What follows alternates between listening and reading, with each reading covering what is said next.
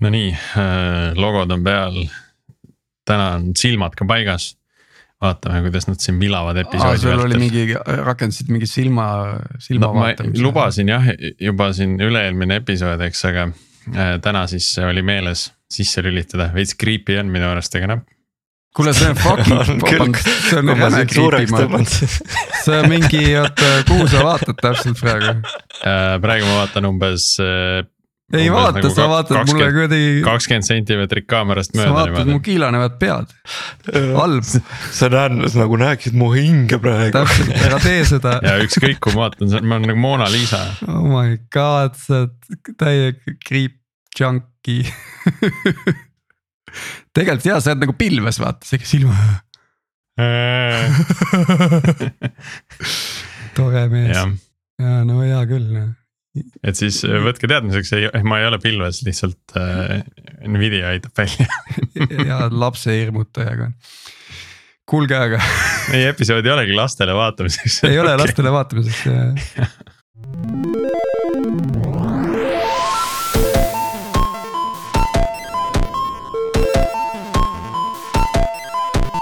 tere jälle Algorütmi kuulama, eetris on meie saja seitsmekümne seitsmes episood ja minuga koos äh, õigemini mina olen Tiit Paananen ja minuga koos on siis Priit Liivak Nortalist ja, ja Martin Kapp Pipedrive'ist. ja täna räägime põneval teemal äh,. kuidas ma siis ütlen äh,, see hobune ei ole endiselt veel surnud et, et räägime emailist ja, ja, ja miks just email, miks email ära ei ole surnud ja, ja samas, miks see nii keeruliseks on läinud, et. ja selleks meil on oma ala spetsialist külas äh, Andres Reimann, tere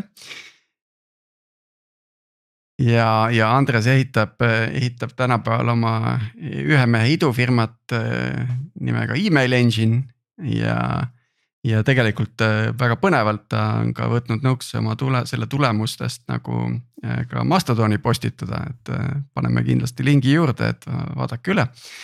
et räägi mõne sõnaga, Andres, et oma taustast ja, ja siis hakkame nagu neid email'e lahti võtma ja kustutama jah, tere veel kord, mina olen siis äh, Andris Heinmann äh, ja viimased äh, noh, äkki viisteist aastat olen siis tegelenud peamiselt emaili teemadega ja praegu ma küll töötan oma selles pisikeses ühe mehe startup'is, aga laias maailmas teatakse mind rohkem sellise minu open source emaili tegevuse järelgi, et üks kõige tuntum projekt on Node.js-i moodul NodeMailer, mida, mis on siis üks populaarsemad Node'i moodulid, mida laetakse iga päev alla üle poole miljoni korra. et äh, ja see ja mõned teised äh, sarnased moodulid veel, nii et julgelt võib väita, et kui keegi tegeleb äh, nice. back-end'is emaili, back-end'is Node.js-iga ja midagi, ükskõik mida emailiga, siis tõenäoliselt on kuskil minu kood seal stack'is ka sees olemas. kas see võib, võib siis ka julgelt öelda, et sa oled kõige populaarsem Eesti open source arendaja või? Võib-olla küll, et selle, aga see, open source on nagu mitut moodi nii-öelda, et. et suurem osa ju mingeid suuri projekte on kollektiivsed, et kus on mingid tiimid ja inimesed teevad koos. aga minu projektid on kõik ühe mehe projektid, et seda Node.js ma olen nüüd kolmteist aastat üksi vedanud nii-öelda ja kui vaadata seda commit history't, siis seal on üks hiigelsuur mägi, mis on minu commit'id ja siis igasugused pisikesed muud typo fix'id ja muud asjad teistelt, et see ei ole, need ei ole sellised nagu tüüpilised äh, grupi open source projektid. vägev, GitHubis on viisteist tuhat äh, tähekest küljes, et see on päris popp, popp projekt jah, ja kui sa vaatad sealt seda, et uh, used by sektsiooni, siis sa näed, et seda on ava-, GitHubis on avalik reposid üle kuuesaja tuhande, mis seda kasutavad. mitte avalikud on ju ka, et, et väga suured firmad seda samamoodi kasutavad, et ma, Microsoft, Apple, Mozilla, Atlassian, mis iganes nii-öelda, et, et kuskil. et ma ei saa öelda, et see oleks nagu mingi kore komponent, aga kuskil mingisuguses nurgas mingisugune teenus. Äh, need kasutavad seda tõesti jah mm.. aga, aga nüüd professionaalses võtmes, et kus sa, kus sa oled toimetanud nagu enne kui oma asjaga hakkasid pihta?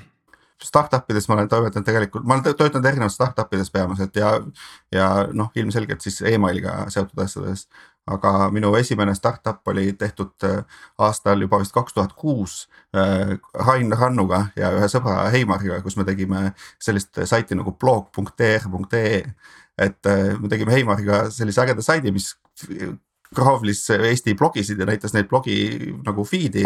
ja siis üks hetk mõtlesime, et paneme selle nagu noh, rohkem viitsi tegeleda, et paneme selle kinni, aga siis Rain kirjutas, et ei kuulge, ärge pange kinni, et teeme hoopis firma ja teeme, paneme noh, teeme kõik ametlikuks ja hakkame seda nagu startup'i ehitama.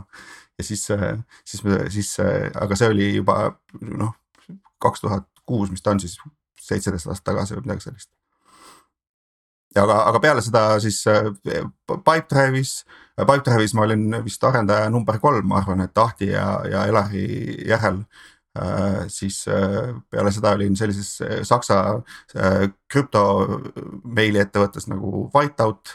et see oli selline huvitav periood, kui, kui Snowden tuli oma asjadega välja ja siis kõik avast-, avastasid, et email on nagu postkaart, et igaüks võib seda lugeda. ja siis tekkis hästi palju selline põlvkond nii-öelda neid erinevaid krüpto meili pakkujaid, kellest tänaseks elus on ainult vist ProtonMail. et meil oli selline ühine kamp nii-öelda, et kõik me omavahel käisime läbi, aga, aga suurem osa nendest suri välja. ja siis äh, peale seda oli mingisuguseid eraprojekte ja Eestis sama selles viidatud Zone'is olen töötanud ja meili asju teinud. ja, ja siis äh, äh, ja viimati, aa jaa, ma olin Outfone'is CTO no näed. sihuke väike asi. see asi. jah, just. no vinge värk. Alrighty, kuule, aga, aga miks sulle just see email nagu huvi pakub või on see mingi juhus, et sa sinna peale oled kinni jäänud? no ilmselt juhus jah, et see oli üks esimesi selliseid äh, äh, huvitavaid projekte, mis ma kunagi tegin, et mul nii-öelda kui väga kaugele aega tagasi minna, siis umbes kakskümmend aastat tagasi, kui ma olin tudeng te Tehnikaülikoolis, ma õppisin elektrit. nii et ma olen elektriharidusega, ma pole IT-d nagu õppinud koolis, siis äh, mul oli selline telefon nagu Nokia kolmkümmend kolm kolmkümmend, et see oli sisuliselt sama, mis kolmkümmend kolm kümme, aga sellel oli olemas see võrgu stack ehk tal oli VAP brauser äh,. ja siis äh, ehitasin äh,, tahtsin seda kuidagi kasulikult teha ja siis tegin endale selle mm, veebimeili VAP-i jaoks, mis sisuliselt käis siis mu postkastiga POP3-ga nii-öelda postkasti avamas ja siis näitas selle VAP-ina välja. ja siis ma nii-öelda, kui olin kuskil, ma ei tea, linnast väljas, siis sain telefoniga meile vaadata ja siis tol hetkel sisuliselt ma selle copy paste isin lihtsalt skriptidest kokku, ega ma aru mitte midagi ei saanud, mis ma seal täpselt teen, et. et see oli POP3 protokolli peal, aga nendest käskudest ega asjadest mitte halligi ei, ei adunud, aga edasi nii-öelda järgmised asjad juba siis hakkas rohkem nagu kohale jõudma, mis täpselt toimub ja avastasin, et see on selline päris suur omaette huvitav maailm ja siis kuidagi jäigi, jäigi sellesse kinni ja seal on ka palju teha mm. -hmm. no vaata, kui hea, et sa nüüd sealt ajaloost alustasid, et me saamegi korra nagu vaadata seda, et äh, kuidas, kuidas email üldse nende kõikide aastakümnetega, mil see olemas on olnud, on, on nagu muutunud. et äh, mida sina oled näinud, et mis need põhilised suuremad teetähised olnud on? No email on viiskümmend aastat vana tänaseks ja, ja ausalt öeldes väga vähe muutunud, et äh, email on näiteks vanem kui DNS, nii et, äh, et äh, DNS e, emaili sai liigutada nii-öelda vanasti nii-öelda noh, masinast masinasse. aga seesama, sama RFC kaheksa kaks protokoll, mida lihtsalt on nüüd aja jooksul nii-öelda täiendatud ja mis ongi selline äh, hästi huvitav nagu äh, selline, ta on nagu selline paralleelmaailm tegelikult, sest hiljem noh, et võrdleks seda, et äh, nagu äh, Star trackis on see mirror universe nii-öelda, mis, kus on nagu kõik on nagu sama, aga midagi nagu väga valesti. ja siis selle emailiga samamoodi, et, et nagu noh, et, et see veebi ja veebi API-d asjad läksid nagu nii-öelda ühte põhiteed pidi. aga see meil hakkas samu asju tegema nii palju aega varem, et ta nagu kasvas lahku ja tegi asju teistmoodi. ja nüüd, kui vaadata siis needsamu noh, neid meili protokolli asju või kuidas meilid sätitakse, siis, siis see on noh, väga sarnane, et seal on ka API-d ja andmevahetus ja nii edasi.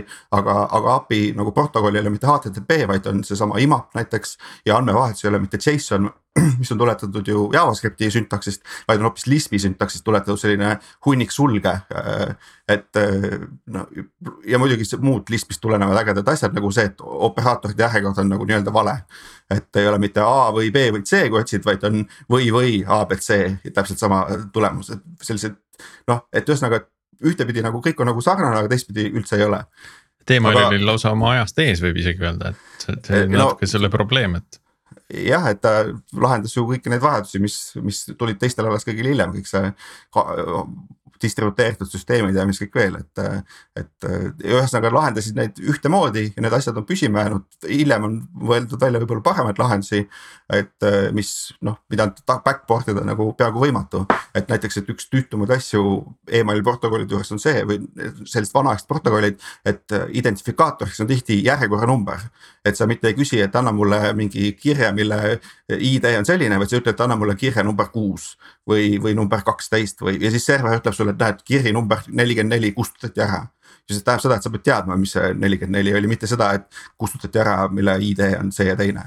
et selliseid äh, hästi kummalisi, et ongi just see, et hästi palju sarnast, aga mingid asjad on nagu täiesti väga valesti ja see on äh, just sellest, et ta on kunagi kasvanud noh, ikka aastakümneid tagasi hoopis teist teed pidi läinud.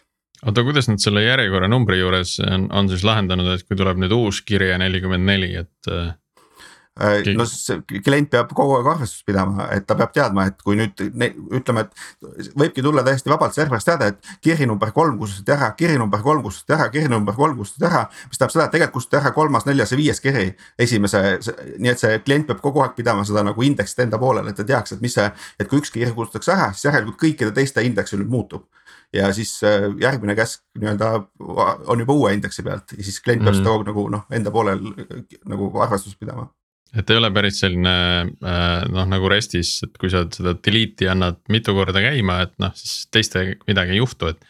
siin sa võid terve nagu selle inbox'i tühjaks lasta, kui sa seda kirje number kolme järjest, järjest ära kustutad nagu, et siis. no ja, aga esimene ja teine jäävad alles, nii et just see on see retry'd ja asjad on päris põnevad teha, eks ole, sellega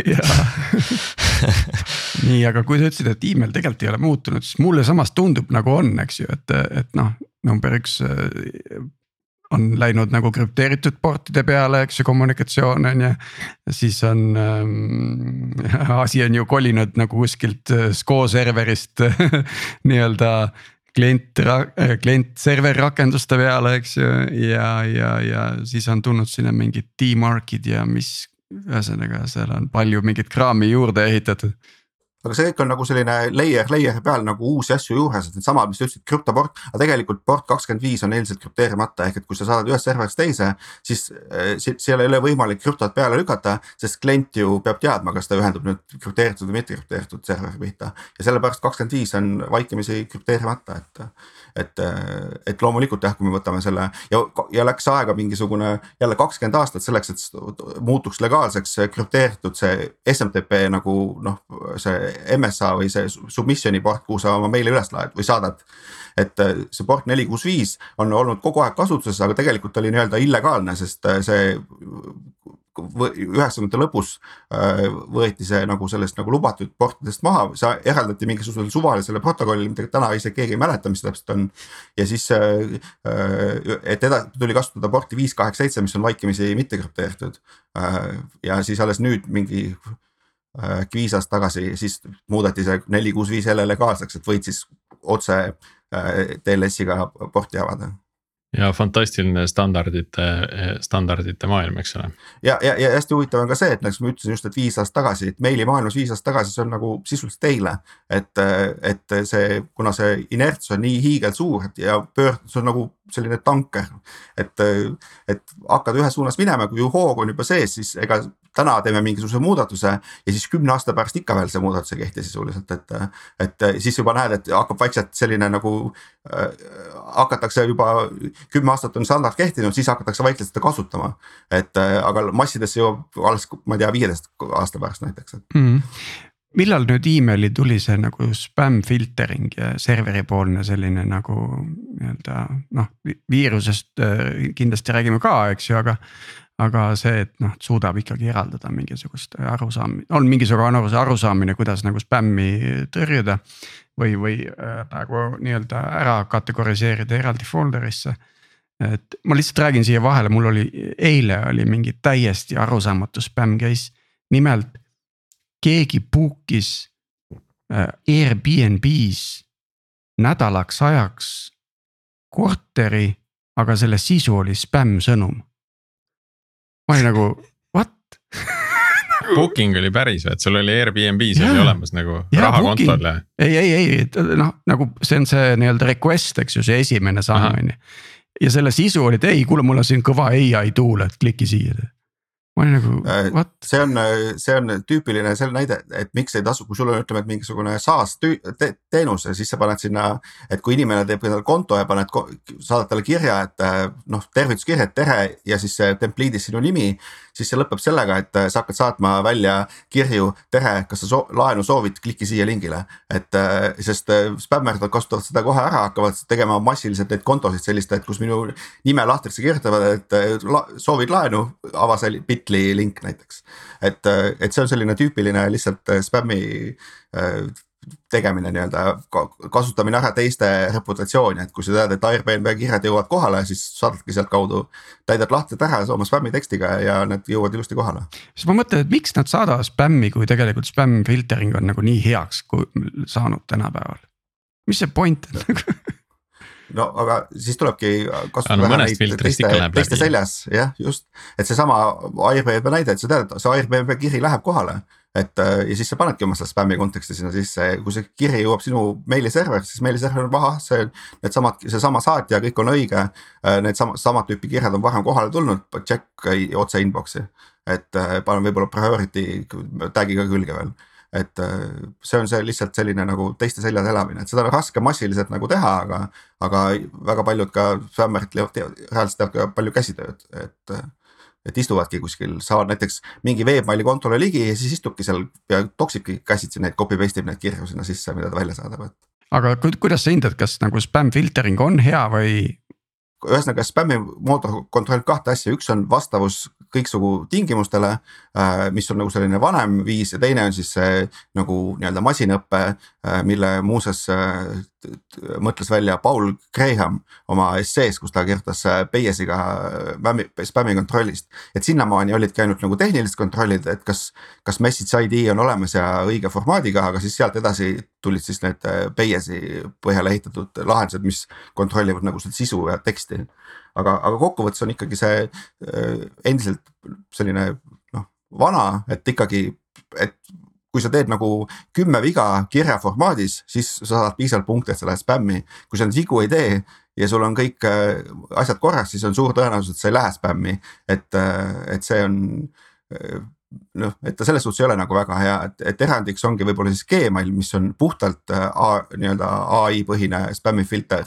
aga negatiivne on selle pealt, et nad ise ka ei saa aru, mis kirjad lähevad ühte või teise kausta, et kui keegi küsib, siis nad noh kehitavad õlgu sisuliselt. robot Et- ütles, et jah. pane sinna. just, jah, et, et seal on nagu omad, omad miinused. kuule, aga siin ongi hea segway kohe sellesse, vabandust jälle Keele Instituut. emakeelepäev oli hiljuti, aga äh, sellesse, et ähm, mis platvormid siis on täna head, kus emaili hoida või kuidas nad erinevad? kõik on head, et ainult põhivahe ongi spämmifiltris sisuliselt, et ega muus tegelikult väga vahet ei ole. Et äh, ja aga, et miks on nagu pa- parem on suuremaid kasutada, et kas siis see MS kolm kuus viis või Gmail on see, et. et nad lihtsalt äh, omavahel on äh, suured sõbrad ja võtavad oma kirju vastu, aga teised äh, tropivad väga kergesti ära. et Microsofti on tihti kirju, raske kirju saata isegi väga legit serverist, sest vaatavad seal mingi väike tegija nii-öelda ja siis saadame dev nulli su kirja, et ja siis otsi taga, et mis, miks midagi kohale ei jõua. et aga, aga muus osas nii-öelda, kui ei ole tegelikult tänapäeval ainult puhtalt, kuidas ui meeldib, et on see fast mail või on seesama teistest zone'i asjad. et, et see on nagu puhtalt enda maitsemeele järele, kuidas meeldib, et ainus suur vahe ongi puhtalt spämmifiltris. et mis Gmailil on tunduvalt parem kui teistel.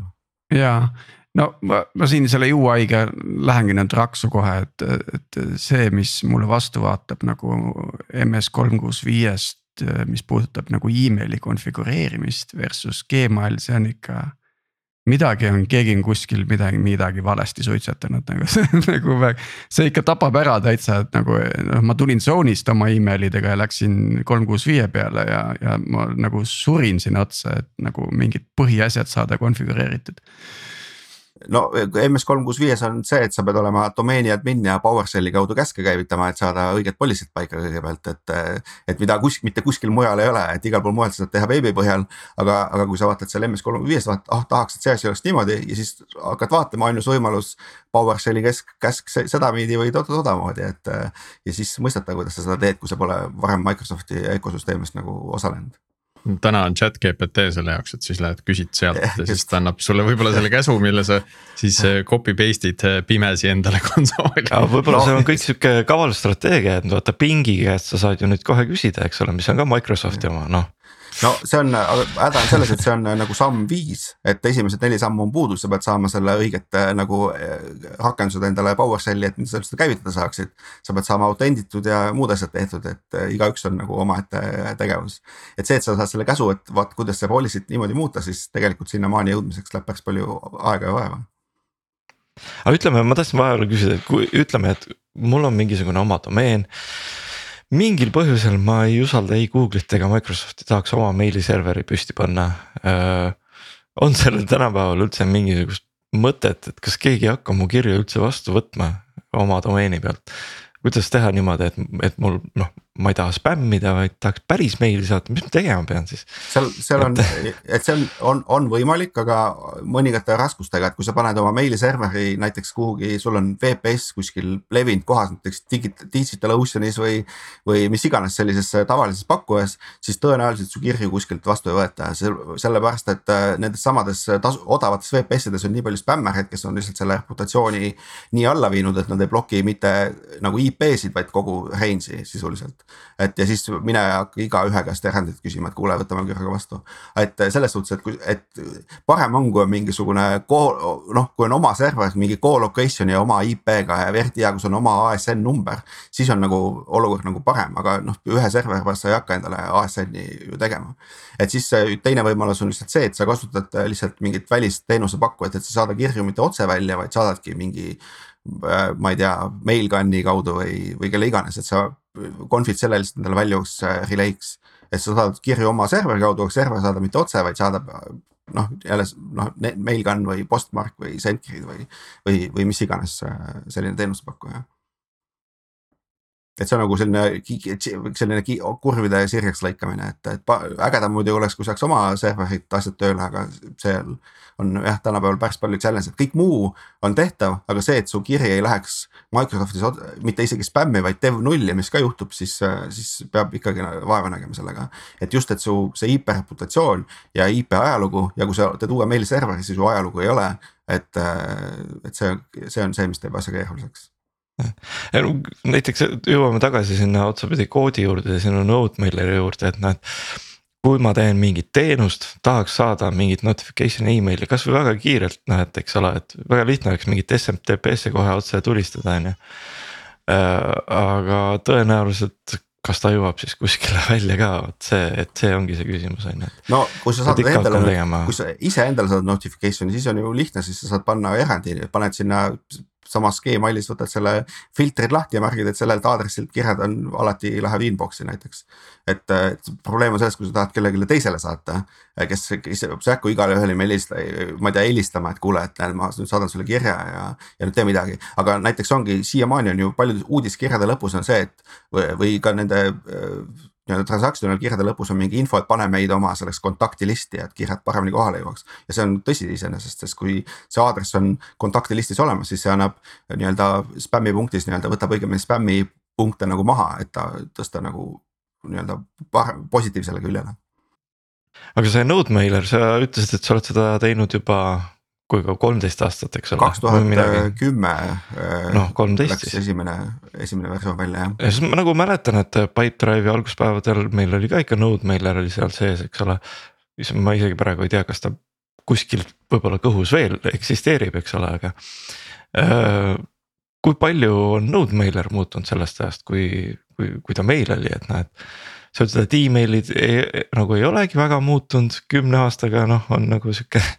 ei, väga, väga palju ei, ei olegi muutunud, et seal üks suur mingi API muudatus oli, et see mulle see kõige esimene API disain ei meeldinud ja siis ma tegin nagu nii-öelda uuenduse, aga see oli kaks tuhat viisteist äkki, midagi sellist nii-öelda ehk et juba hästi ammu tagasi, nii et, et peamiselt on ikkagi see, et igasugu noh, oluline emaili puhul on see nagu formaat, et sul on korrektsed asjad tehtud.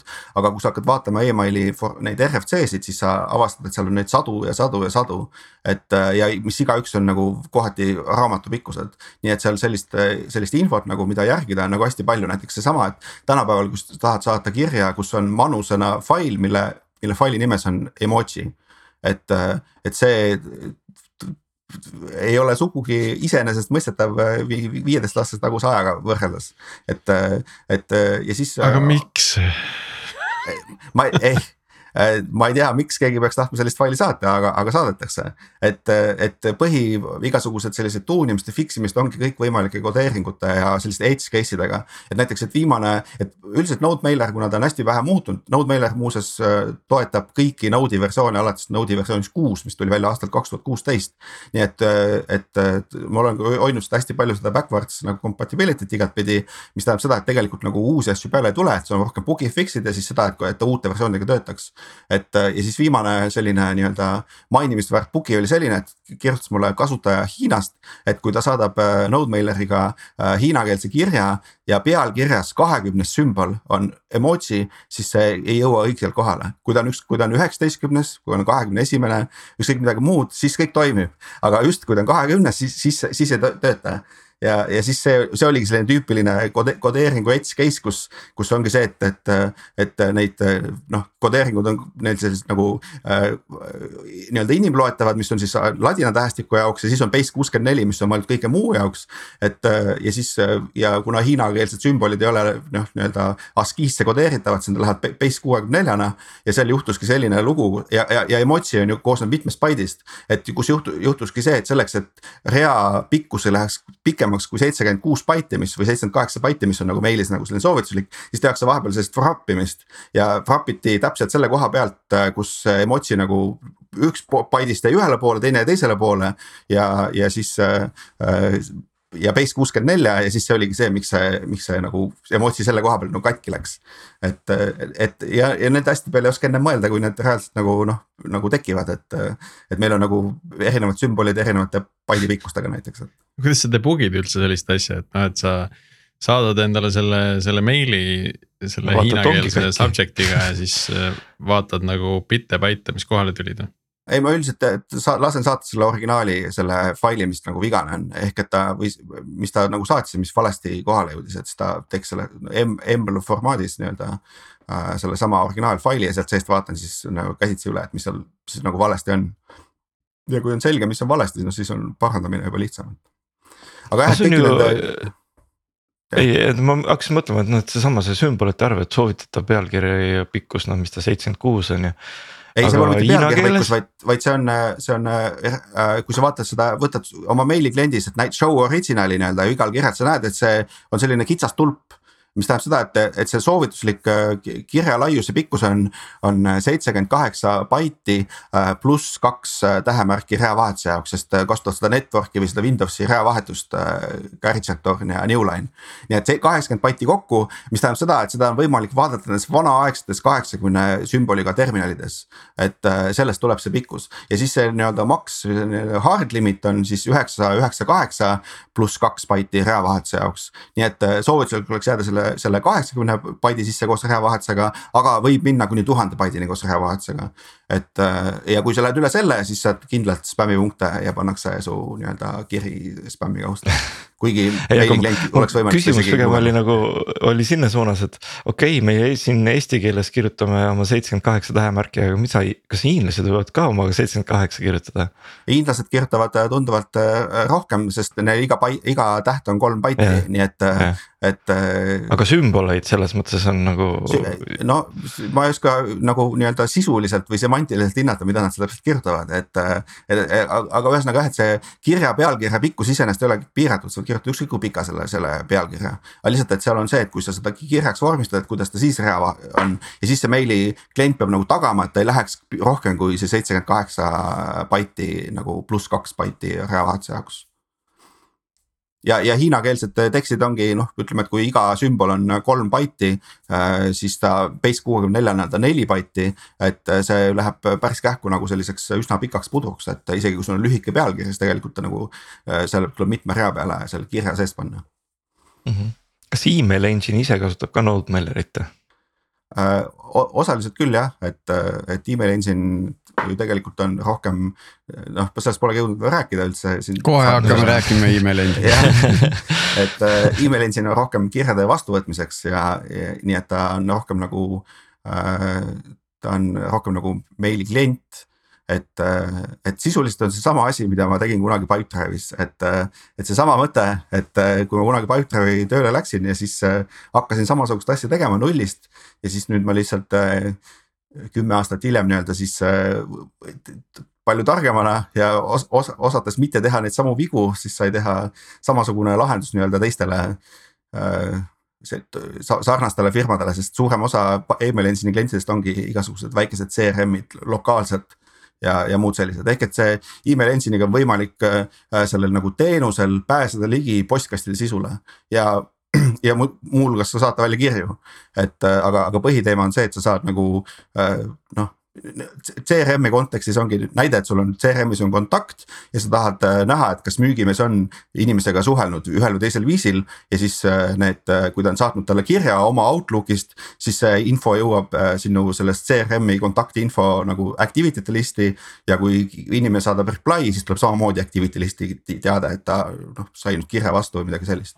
et siis on nagu näha, et see on nagu nii-öelda hot lead või, või mis iganes, et vastavalt teenuse spetsiifikana, aga ühesõnaga jah, selle mõte on see, et sa saad ühendada sinna külge tuhandeid meilikontosid.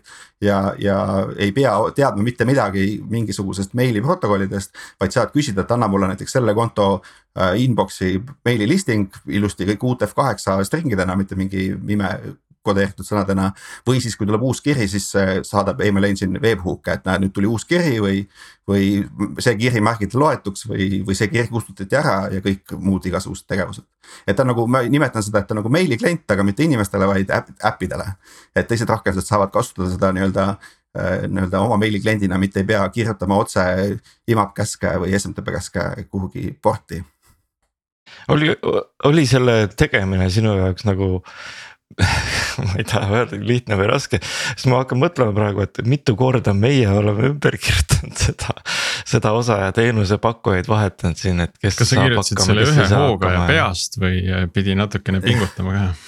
see võttis ikka aega, et, et seesama, kui ma olen pannud üles oma kõiki neid, neid nii-öelda tulemusi, siis seal on näha, et see graafik alguses mingisugune aasta aega on täielik nagu flat line, sest sest äh, mul ei olnud midagi nagu pakkuda ega müüa, sest ma alles kirjutasin seda tarkvara et äh, tegelikult see noh, jah, et äh, peast on vale sõna, sest ikkagi peab RFC-s nagu näpuga järgi ajama, aga, aga ikkagi teadlikult, et selles suhtes oli juba algusest peale ma teadsin, mida ma teha tahan. et erinevalt jälle sellest vanast kümne aasta tagusest Pipedrive'i kogemusest, kus see plaan kogu aeg muutus, et ma hakkasin nagu ühte asja tegema ja siis tuli jälle keegi juurde, kuule, et aga teeme hoopis niimoodi ja. et alguses pidi saama selle activity list'e lihtsalt kirjed, aga lõpuks oli full blown meili klient. ja siis ma avastasin, et aga kuule, et aga ma isegi ei tea, me ei kuidagi ei track'i seda, mis kirju see klient enda meili selles keskkonnas kustutab. ja meiliserver saadab meile teateid järjekorranumbriga, et me ei saa kuskilt seda infot, et mis on ära kustutatud nagu seal päris kliendis.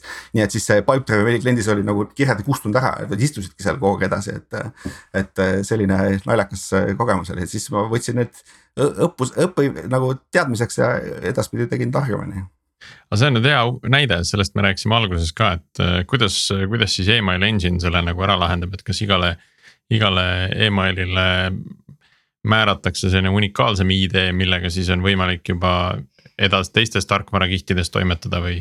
sa pead seda järjekorranumbrit update ima kliendi poole peal, ma sain aru. jah, et, et seal on jah, et just, et emaili, email engine peab arvestust, et mis järjekorranumbrid on, aga lihtsalt peabki arvestama seda.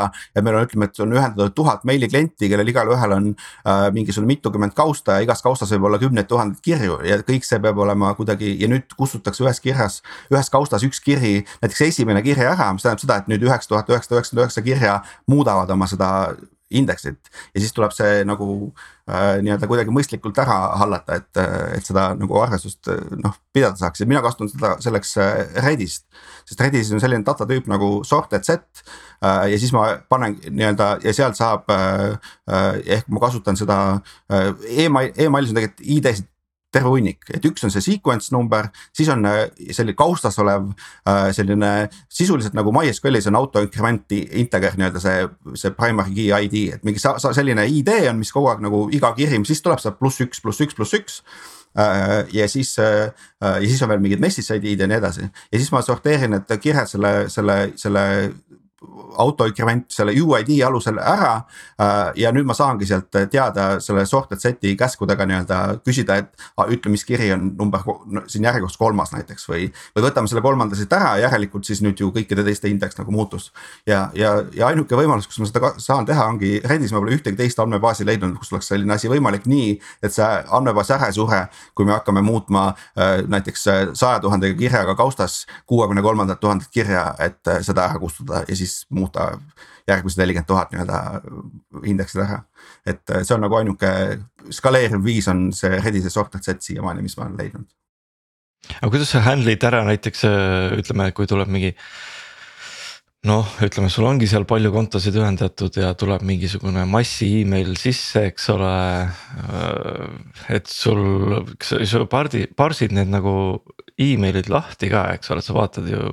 sisu läheb ühte või ei lähe või kuidas. see on selline aastate tarkus, et tegelikult sa ei pea parsima, et tegelikult väga palju seda ära meili server.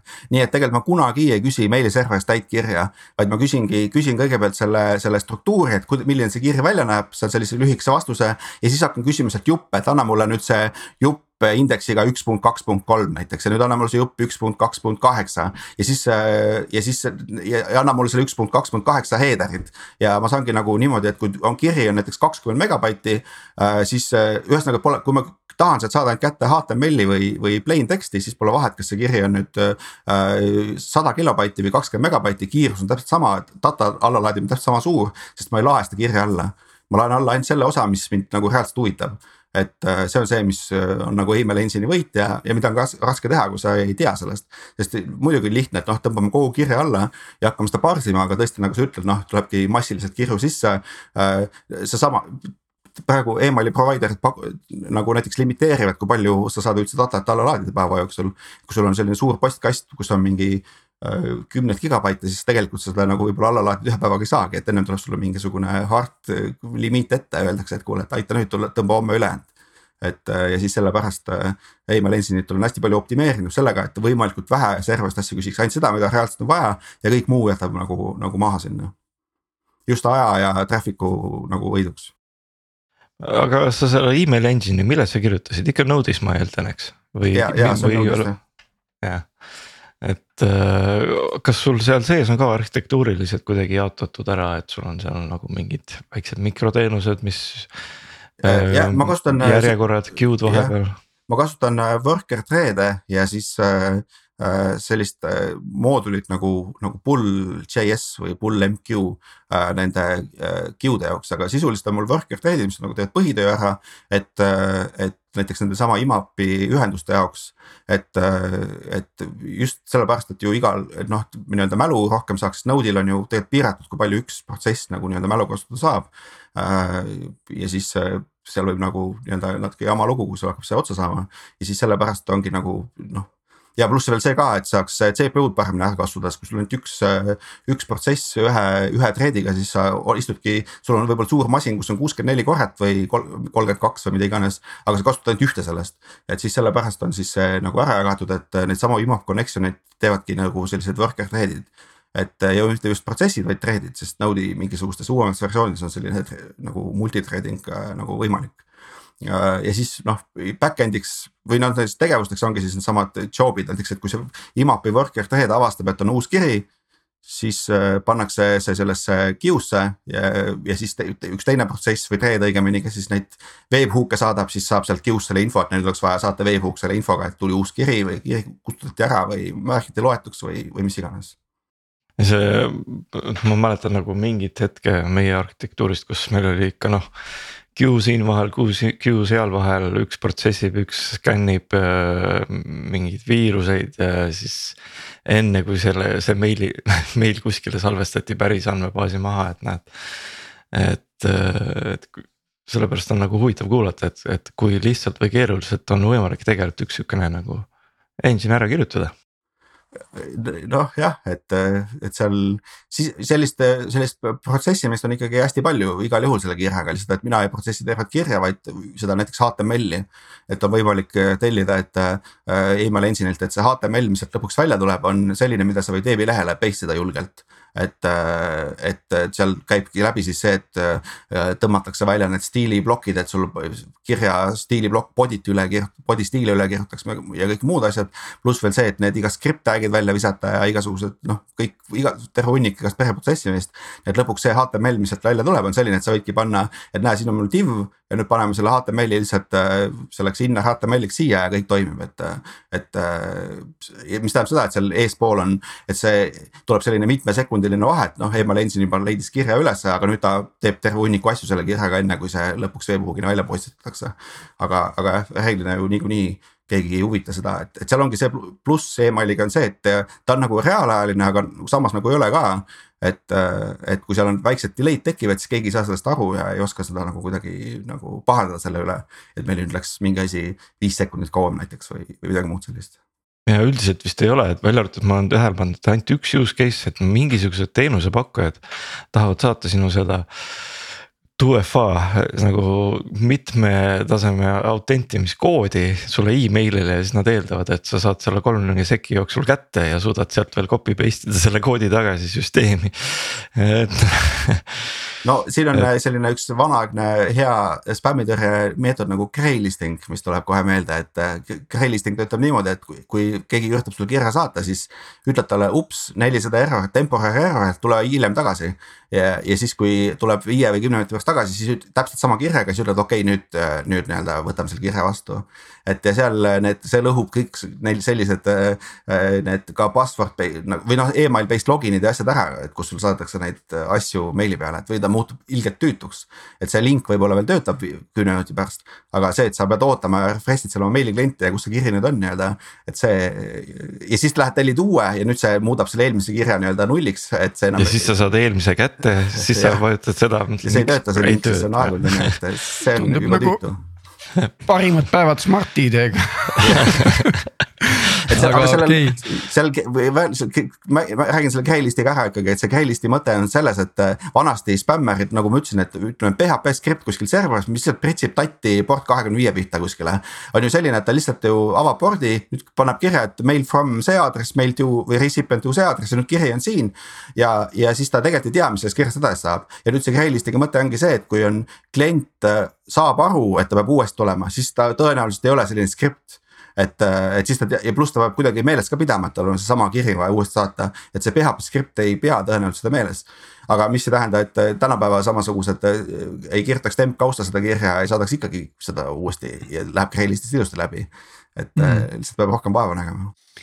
paar emaili anekdooti ka siia vahele, et esimene on see, et mingi mingil hetkel keegi on jätnud midagi õpetamata, kui inimesed ei vajuta reply all et ma ei tea, kust see tuleb, võib-olla see kuidagi emaili kliendist johtub, et seal ei ole seda nuppu kohe näha, on ju. ma tean, et Gmailis tegelikult ei ole, mis on kinda weird uh,. Forward'it ka pole, on ju. Gmailis saab küll seadetes panna, et default oleks replay all, et. just, jah. ma ei et sihuke seadistus nii. et ma ei teadnud, et sihuke seadistus on olemas, et ma saan panna default'iks reply all ja teine emaili anekdoot oli, oli selle, äh, oota, see reply all nüüd varjutas kõik mõtted see tuleb mulle varsti meelde, ma loodan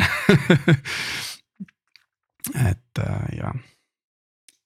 kuule, aga räägi siis seni veel email engine'ist, kuni Tiit seda mõtleb, ma vaatan, see feature ite list on äh, päris pikk. siin on bounce detection'id, monitooringud, mingi dokumendi salvestamise võimalused, eks ole, webhook idest sa juba rääkisid e, emaili template'id.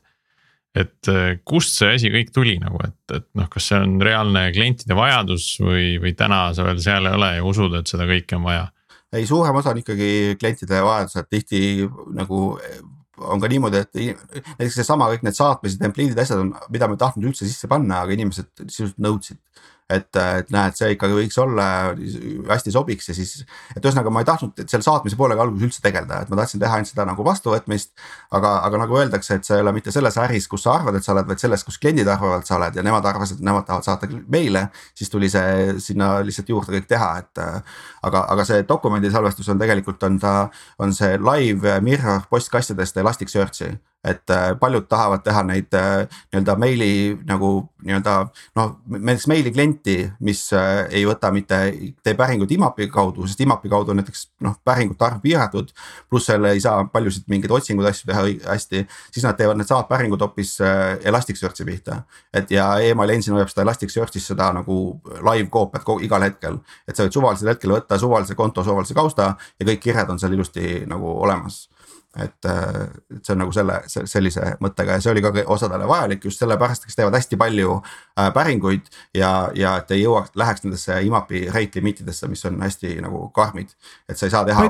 miks, miks need IMAP-i rate limiting ud on, seepärast et mul, mul tuleb meelde, mul oli üks suur inbox, mingi kuusteist giga Äh, meilikliendi, äh, meiliklient äh, lõpetas koostöö, oli vaja kõik failid ära kustutada, uuesti kuusteist gigsi alla tõmmata ja pumm.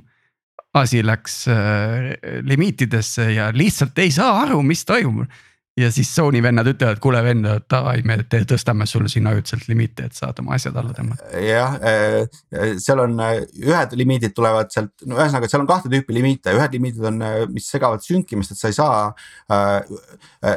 võid veel tagasi tulla, et IMAP protokoll on selline, et ta on nagu failisüsteem ühe faili vaat-, kaustaaknaga, nagu vanasti Norton Commander või midagi sellist, ehk sa saad korraga lahti võtta ühe kausta ja nüüd sa näed, mis failid selles konkreetses kaustas on.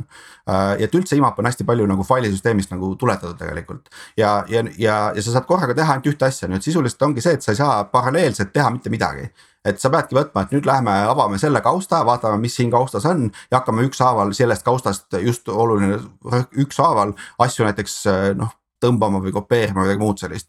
ja siis on võimalik ju teha tegelikult ka paralleelselt, sul näiteks on viis arvutit, noh, ütleme, et ja igas ühes on Norton Commander.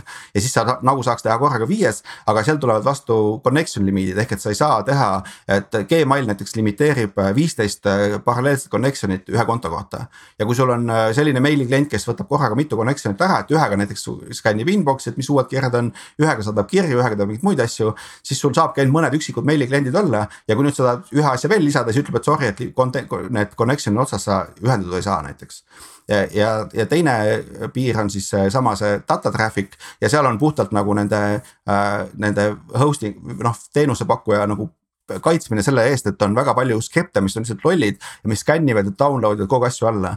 et näiteks, et iga viie minuti tagant läheb ja tõmbab neli giga asju alla ja nüüd jälle viie minuti pärast, jälle viie minuti pärast, kogu aeg käib. et anna mulle kõik kirjad, et ühesõnaga, et on näha, et mingi skript, mis on tehtud kunagi hästi ammu, kui seal postkastis oli kuus kirja ja see oligi normaalne. aga nüüd on viis aastat mööda läinud ja seal on keegi kirju sealt ära kunagi ei kustuta, kookleb juurde, juurde, juurde ja ta ikka läheb, teeb sama loogikaga, anna mulle kõikide kirjade kõik sisud ühe jutiga lihtsalt. ja siis selleks, et et äh, need sellist, selliste asjade vastu kaitsta ongi sellised äh, nagu äh, daily cap'id nii-öelda, et kui palju, mitu gigabaiti sa võid nagu korraga alla laadida. et äh, ma äh, samamoodi on Gmailis ja, ja mujal, mujal ka nii-öelda mm. -hmm jah, mul tuli meelde see, see teine emaili anekdoot on see, et, et nüüd tänapäeval, kui startup alustab tööd, siis äh, kõik töötavad, kõik suhtlevad, möll käib ja siis siis keegi ütleb, kuule, ma saatsin sulle emaili, sa oled nagu what? mis asja ja,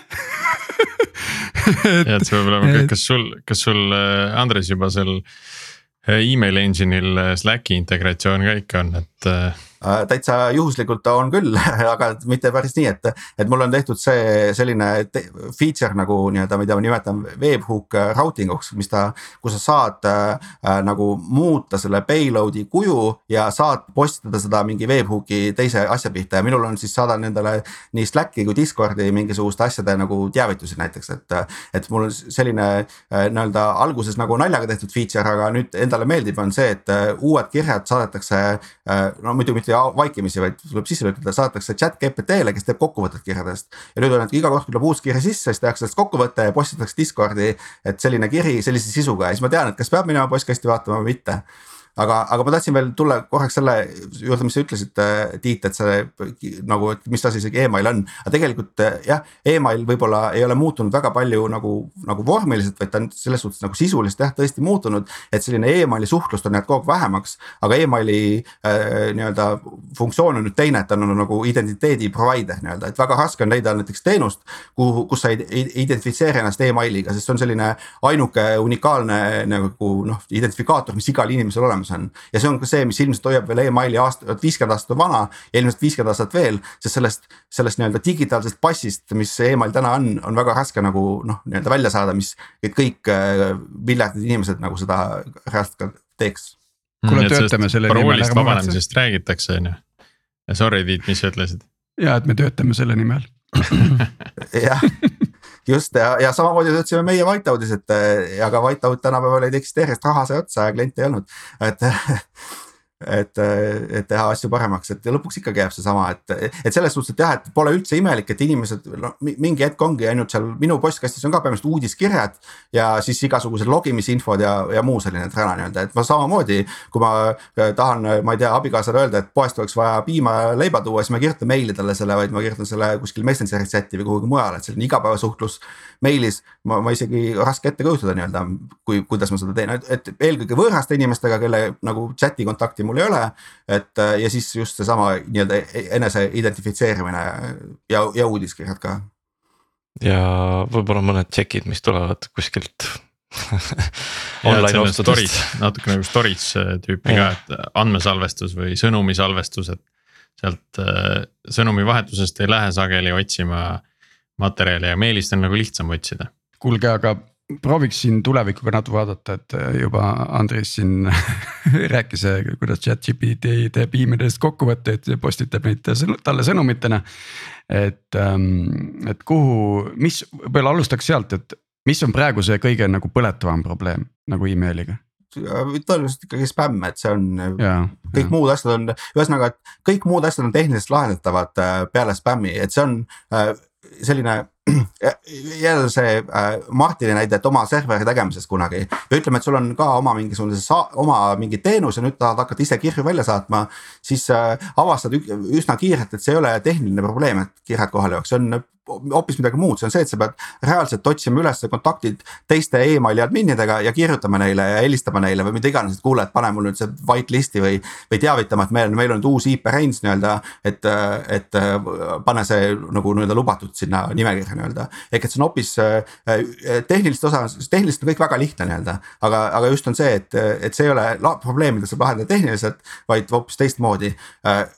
Hea näide, äh, ütleme, et tahad saata kirju T-Online'i aadressile Saksamaale mis sa pead tegema, sa ei saa mitte ühtegi kirja sinna saata ilma seda, et sa pead T-Online'i adminiga otseselt suhtlema, ütlema, et jaa, et meil on selline firma. me tahame saata kirju teie aadresside peale, et äh, ja näe, meie see impressumi leht on siin, vaadake üle nii-öelda, kõik on, klapib, kõik on legit, et. ja siis nad ütlevad, hea küll, et tõesti paistab, et hea küll, paneme teid siis nagu lubatud listi, et siis saate oma IP pealt meile kirju saata. et, äh, et see on tehniliselt väga lihtne, see mis iganes postfix'i, mis iganes püsti panna, aga see kõik muu, mis ei ole üldse tehniline, on siis see, mis teeb asja nagu keeruliseks. Et sa pead teadma, kus sa saad üldse kontakti nende inimestega, et sa pead teadma, et sa üldse pead saama nendega kontakti. et mis on need meililistid, kus sa nende inimesi üles leiad või mingid Slacki äh, kanalid ja muud kohad, kus, kus kontakti saab äh, õigete isikutega. Ma just mõtlesin veel kuidagi korra nagu siia turvalisuse sisse, et näed, phishing on noh, see on tõenäoliselt nagu võib, võib nimetada spämmi alam ohtlikumaks alamliigiks nagu pigem, et näed, kui keegi võõras tuleb ja tahab sult midagi saada jah, et phishing'u teeb keeruliseks see, et see ei ole tihti massiline, et, et eriti, et või ta on nii-öelda rohkem sihitud ja siis tähendab seda, et ta võib-olla on raske, et ta ei jõua nagu hiljem mingisugustesse listidesse näiteks, et. et see, see teeb jah, aga jah, ta on spämm sisuliselt ikkagi lõpuks, et nagu äh, täpselt samamoodi blokitakse nagu spämmi, et seal, see ei ole jah. nii, aga tulevikku tagasi, tagasi mm -hmm. tulevikku kuhu email läheb, mis sest, mis sellest saab, kas, kas see kaob ära? ma arvan, et ta jääb enam-vähem sinna, kus ta on, et lihtsalt, et ta tema nii-öelda roll nagu muutub vaikselt ja ongi muutunud kogu aeg et, äh, et lihtsalt siin ongi üleskutse, et kõik, kes on tüdinud nagu igapäevasest äh, uute JS framework'ide igapäevasest vahetusest, et tulge emailiga tegelema, seal ei muutu kümme aastat mitte midagi. et äh, rahulikult saad teha oma asja ja siis, et viis aastat on nii lühike aeg, et seda, seda pole isegi mõtet mainida. et, et, et see, see inerts on mega suur ja, ja niikaua, kuni kõik maailma inimesed ei ole leidnud paremat digitaalset identifikaatorit kui emaili aadress, ei kao email mitte kuhugi jah mm. -hmm. lihtsalt, et no. seda suhtlust ei ole nii palju kui mm, -hmm. kui varem ise muidugi ootaks tulevikult selle, seda, et, et minu kirjutatud email on elektrooniliselt verifitseeritav, signeeritud ja see on nagu nii-öelda ma suudan seda tõestada kõigile, et see on minu oma. Et see on universaalselt aktsepteeritav, et keegi ei pea yeah. mingisugust, äh, mingisugust võtit minema valideerima täpselt, kuskil eraldi, vaid et. seda tahan see nagu ja töötab. siis ma, mis ma veel tahtsin sellest emailist ähm, aga siin on äkki ikkagi, kuni sa mõtled, et, et, et äkki tulevikus ikkagi peame ootama jälle seda hetke nagu. Äh, mis juhtus siis, kui Slack ja Discord tulid, mis sisuliselt on ju nagu kaasaegsed versioonid IRC-st, eks ole. Aa, et kuni no. tuleb nii-öelda uus, uus, mis asendab ära või? jah, et, et äh, mis on sisuliselt ongi nagu email, aga aga keegi mõtleb välja, kuidas seda siis. ja, ja sellist asja juhtub, et äh, hea näide on selline asi nagu hei.com, mis on siis äh, Basecampi tehtud meiliklient, et need on täiesti äh,. ta ei suhtle üldse mitte mingit pidi tavaliste meili protokollidega, inimesed kõik kurdavad, näe ma ei saa Outlookiga hei.com'i lugeda. aga ta polegi mõeldud selleks, ta on mõeldud selleks, et sa lähed veebi ja näed seal seda nende ettekujutust, kuidas email võiks nagu välja näha ja see ei ühildugi mitte kuidagi nende tavaliste vanade klientidega, et. et seda võib igaüks täna ka teha, et see ei nagu ei takista kuidagi, et aga selle siis... ma tahtsin veel krüpto kohta öelda seda, et tegelikult hea küll, et see nagu isikuna hetkel on väga raske nagu seda kinnitada, et jah, sa saad GPG, GPG-d või midagi muud sellist kasutada. aga, aga nagu see, et on organisatsiooni poolt allkirjastatud, see on täna juba lahendatud. sest selle täna väga vähe liigub kirju, mis ei ole nagu DKM allkirjaga ja DKM ongi organisatsiooni allkirja, et selle mm, -hmm. et sa tead, et see kiri on saadetud kellegi inimese poolt. kes on selle organisatsiooniga seotud ja see on nagu sada protsenti kindel, niikaua kui sa usaldad seda DNS-i, kus see public key istub ja, ja no teine probleem oligi see, et kui mulle Swedbank saadab meili, siis ma ei taha seda krüpteeritud ümbriku sealt hakata lahti klikkima, ma tahaks ikkagi saada emaili ja see krüpteering toimub seal taustal automaatselt automa-, automaagiliselt. no see on meili kliendi häda juba, et nad Eesti seda ümbrikut ei toeta, et et samamoodi on osad meilikliendid oskavad GPG-d kohe avada ja näidata ja teised näitavad sulle seda punkt ASK see nagu attachment ja nüüd vaata, mõtle ise, kuidas sa lahti saad no kuule Tiit, aga siis on teil Veriffiga palju tegemist, sest et see kõik võib ju hakata otse juba kasutaja arvutist ja emaili kliendist pihta, kus et nagu. ja lõpeb sellega, et teises otsas samamoodi teatakse, kes see on, siis polegi probleemi enam miks ma siin olen? jah, täpselt aga ühesõnaga on maha kuulutada emailile veel surma, et, et ta lihtsalt ongi, ta on nagu sellest põhiliinist eraldi hoopis teistsugune, läheb oma vaiksesse jõesängis nii-öelda ja väga palju nagu kokkupuutepunkte muu maailmaga ei ole, et see ongi hästi aeglane, suure inertsiga, vaikselt seal liigub ja toimetab.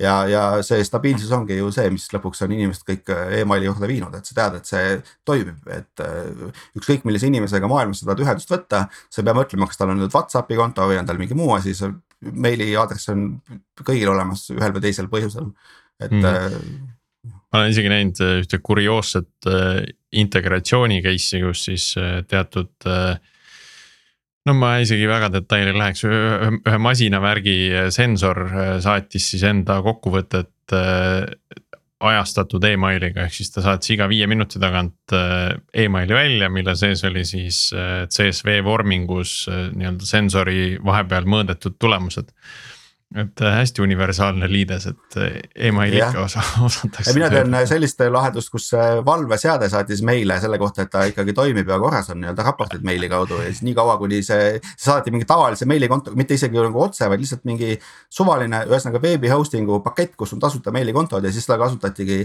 nii-öelda ühenduse pidamiseks valveseadmete ja siis keskuse vahel, et ja siis, kui see meili server ei toiminud mingil põhjusel, siis järelikult kõik asjad, alarmisüsteemid olid järsku tööst väljas ühesõnaga see, see süsteem monitooris ja saatis infot äh, meilidega ja sina pidid monitoorima, et kui meil ei tule, siis on järelikult midagi tuksis. Äh, seda ma, ma ei tea, seda mina ei ole selle osapoolega ei tea, ma lihtsalt tean, et oli, et meilikontod ei toiminud ja, ja siis äh, nüüd valve need andmed umbes, et saanud valvest maha võtta, sest see teavitus läks umbes kuhugi meili kaudu, et nüüd võta see maha ja, aga meil ei jõudnud kohale ja järelikult maha ei läinud. spämmi läks.